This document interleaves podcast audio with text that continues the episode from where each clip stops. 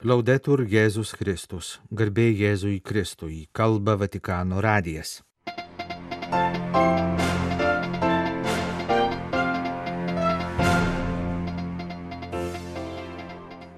Popiežiaus bendroji audiencija - katechezė apie godumo įdą ir apie tai, kaip su ją kovoti.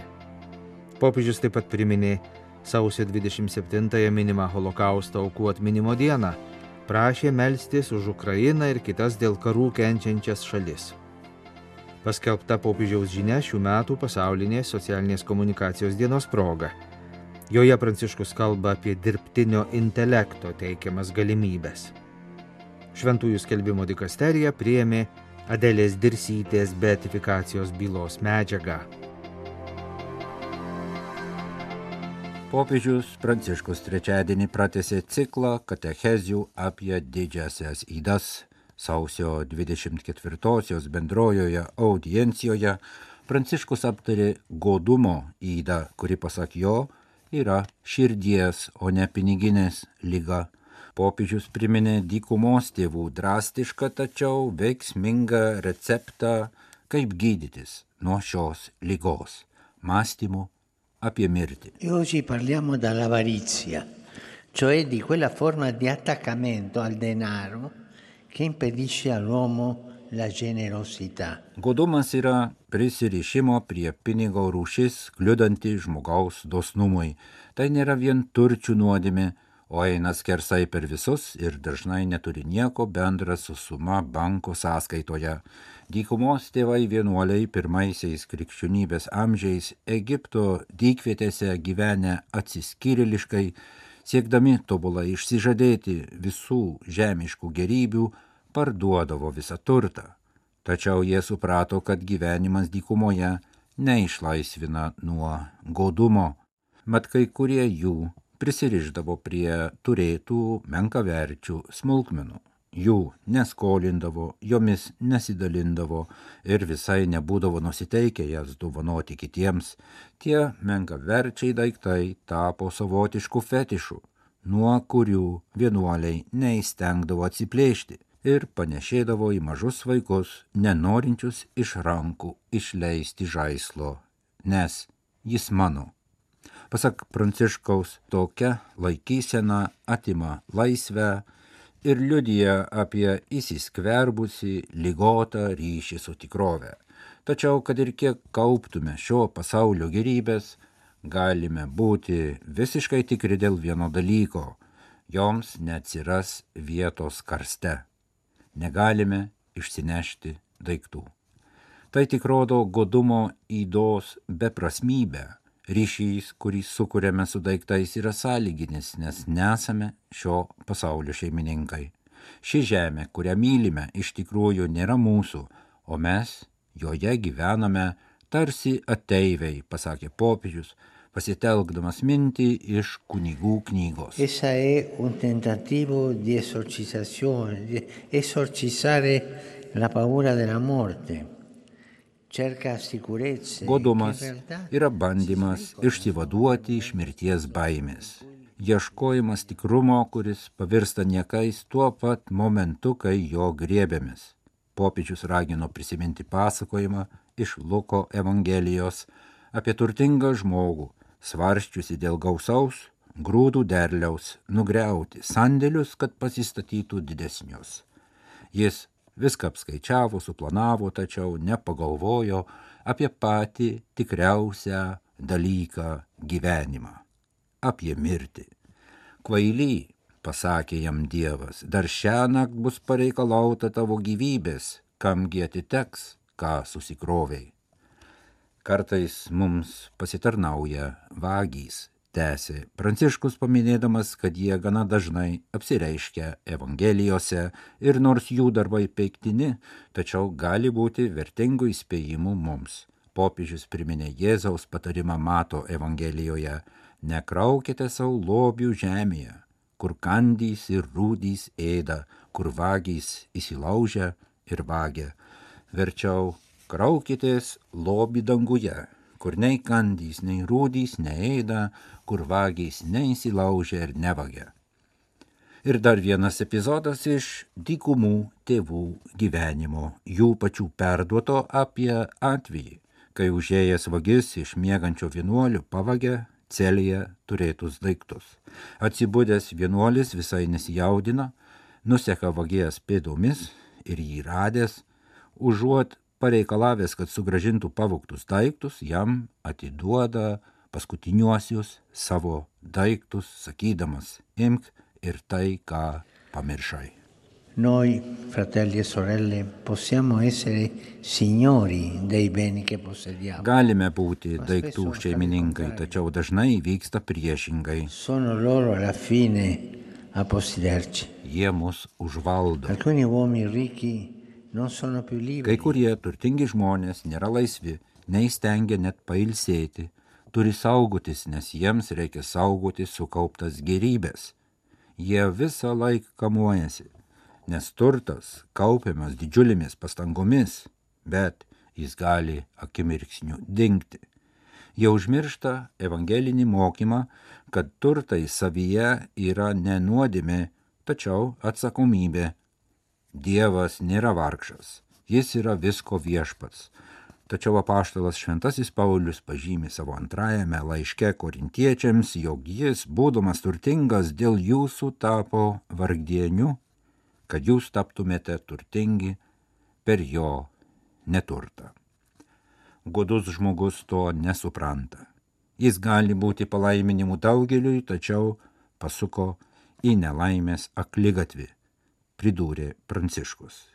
Gyvenimo pabaigoje turime atiduoti viešpačiui savo kūną ir sielą ir palikti viską. Būkime atidūs ir dosnūs, dosnūs su visais ir ypač su tais, kurių poreikiai didesni už mūsų.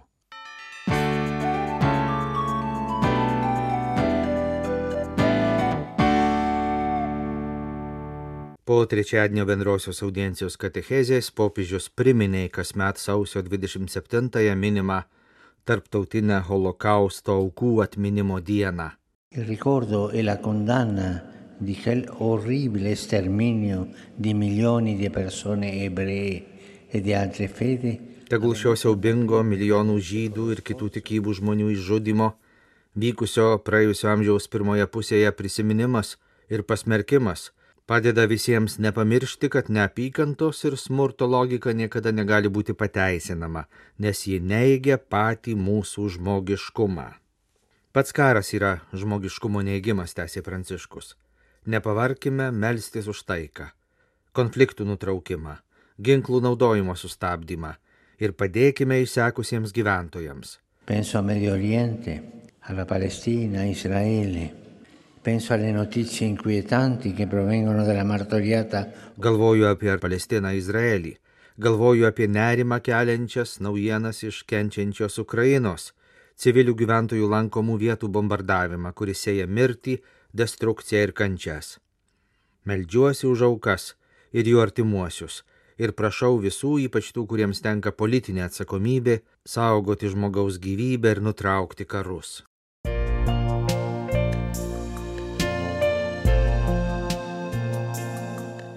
Jūs klausotės Vatikano radio. Tęsėme žinių laidą lietuvių kalba.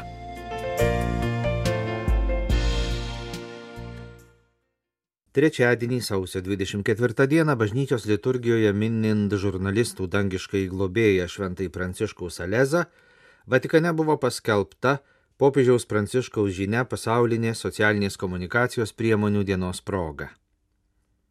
Ši diena kasmet minima 7 Velykų sekmadienį, kurį Lietuvoje švenčiamos šeštinės viešpatės žengimo į dangų šventė. Šiemet tai bus gegužės 12 diena. Popiežiaus žinios tema dirbtinis intelektas ir širdies išmintis, siekiant visiškai žmogiškos komunikacijos. Savo žinios pradžioje popiežius primena, kad dirbtinio intelekto tematikai tik kiek kitame kontekste jis skyrė ir savo žinę šiemetinės pasaulinės taikos dienos proga. Dirbtinio intelekto sistemų plėtra taip pat kelia netidėliotinų atsakymų reikalaujančius klausimus informacijos ir komunikacijos srityje. Popiežius rašo, kad svarstydami su dirbtinio intelekto plėtra susijusius klausimus, pirmiausia turėtume atmesti katastrofiškas prognozes.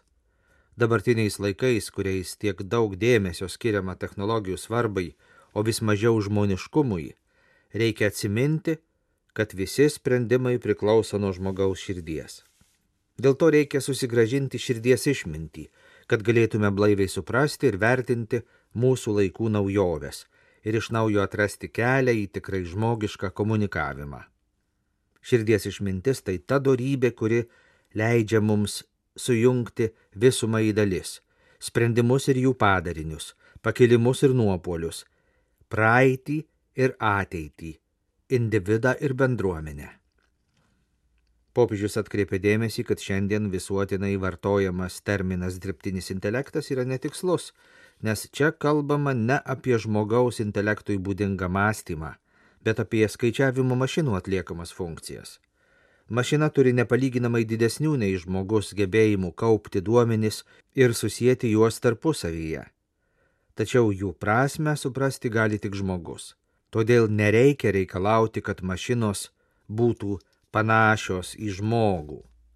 Veikiau reikia pažadinti žmogų iš hipnozės, į kurią jis patenka dėl savo visagalybės iliuzijos, manydamas, kad yra visiškai autonomiškas ir savo pakankamas subjektas, atskiras nuo visų socialinių ryšių ir pamiršęs, kad jis yra kūrinys.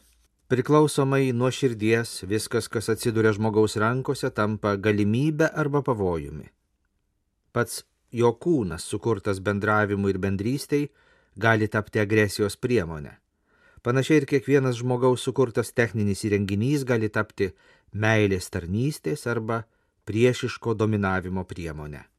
Naudojamas socialinės komunikacijos srityje dirbtinis intelektas gali padaryti prieinamą ir suprantamą didžiulį žinių srautą, tačiau jis gali būti naudojamas ir pažinimo lauko taršai, tikrovės iškraipimui, iš dalies ar visiškai klaidingomis žiniomis. Tai jau žinoma vadinamųjų melagienų fake news problema. Per pirmąjį dirbtinio intelekto naudojimo etapą socialinės žiniasklaidos srityje supratome, kad jis atveria daug naujų galimybių, bet ir yra susijęs su pavojais bei patologijomis. Kaip visa kita, ką sukuria žmogaus protas ir rankos, algoritmai nėra neutralūs.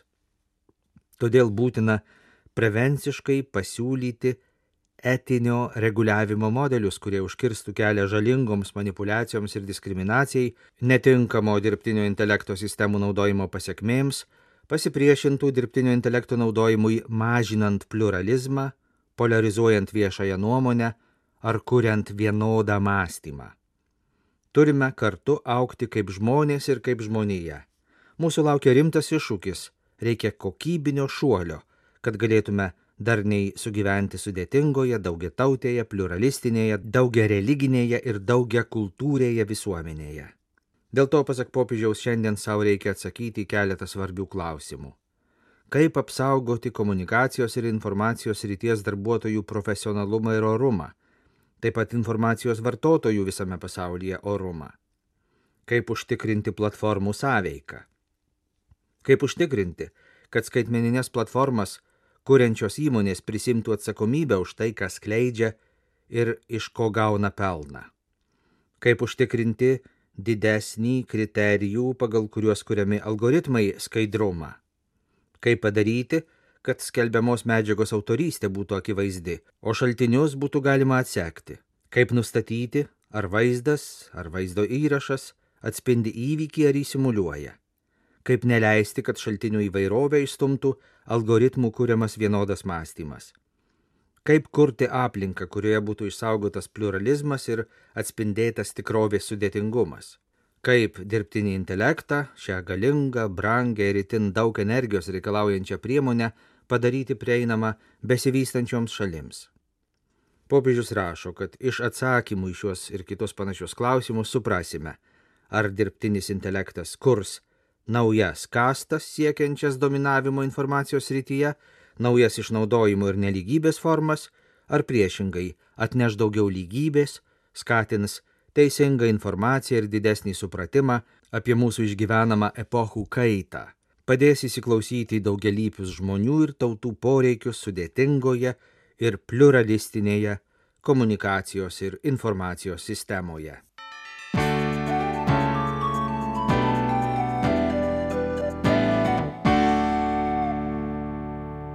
Šventųjų skelbimo dikasterija patvirtino gavusi Kauno arkiviskupijoje užbaigtos Dievo tarnaitės Adelės Dirsytės kanoninės bylos medžiagą. Apie tai Vatikano radiją informavo Dievo tarnaitės bylos postulatorius kunigas Andrius Končius. 2023 m. vasarą Kaune pasibaigus dieceziniai kanoniniai bylai Visa jos medžiaga pagal kankinių, palaimintųjų ir šventųjų skelbimo procedūras perduota Šventojo sosto šventųjų skelbimo dikasterijai. Šių metų sausio 23 dieną įvyko formalus perduotų bylos dokumentų iš viso 8 tūkstančių lapų patikrinimo ir prieimimo procedūros Oficialiame akte dikasterijoje dalyvavo apie dešimt asmenų iš vos ne visų Lietuvos vyskupijų - dvasininkai, seminaristai ir pasauliečiai. Apie Sibiro kankinės ir garsiosios maldaknygės Marija gelbėkimus autorės, Dievo tarnaitės Adelės Dirsytės kanoninės bylos eigą papasakojo bylos postulatorius kunigas Andrius Končius, ir buvęs bylos vicepostulatorius kunigas Mantas Šideikis. Vakar šitoj dienoj buvo mm, numatyta vadinamoji atidaromoji sesija. Ten mus išsikvietė vienas iš darbuotojų, jisai turbūt atsakingas už tų bylų įrišimą, Federico Favero ir tų kardinolo ir semeraro e, raštų, kuris paskirtas atidarimui, mes oficialiai atidarėm, jisai patikrino, pažiūrėjo trumpai, kaip ten viskas padaryta, nuolat kartojo molto bene, molto bene, reiškia, tai labai gerai. O ar tas molto bene reiškia, kad ir e, bylos eiga kaip nors bus paspartinta, ar kokiu nors būdu mes galėsim laukti palaimintosios paskelbimo anksčiau nei vėliau? Na, stengsimės kiek galima, žinoma, tas molto bene jam buvo, kad mes labai tvarkingai sudėjom ir visi turiniai, ir numeracija, ir, ir vertimai šalia pagrindinių tekstų, viskas labai tvarkingai sudėta, tai reiškia bus nesudėtinga tas popierius paskui jiems tvarkyti ir sužiūrėti. Žinome, kad yra malda knygė pridėta prie bylos medžiagos ir visi gali pagal ją melstis. Taip. Taip, yra ypatinga malaknygė ir turbūt tas pagrindinis jos e, toks asmeninis kiekvienam, tai jos tas nema, neregimas, bet tikras lydėjimas iš dangaus, kaip mūsų dvasiniai draugiai, bičiuliai, užtarėjai, e, kur oficialiai mišiuose ar kur nors negalime ją melstis, bet asmeniškai kiekvienas galime kreiptis jos pagalbos, turime vien byloje surinkę keliolika liudijimų žmonių kurie pasakojo apie tai, kad kreipėsi į Adelę jos pagalbos ir patyrė, patyrė jos pagalbą užtarimą. Tikrai turime jos tokį, sakykime, jau virš žemišką mums pagalbą, kuris taip pat svarbi ir vertinga. O mes, kaip, kaip, kaip aš buvęs vicepostulatorius, mes tikrai tikim, kad e, nebejotinai, kad mes turėsim palaimintąją e, moterį Lietuvoje.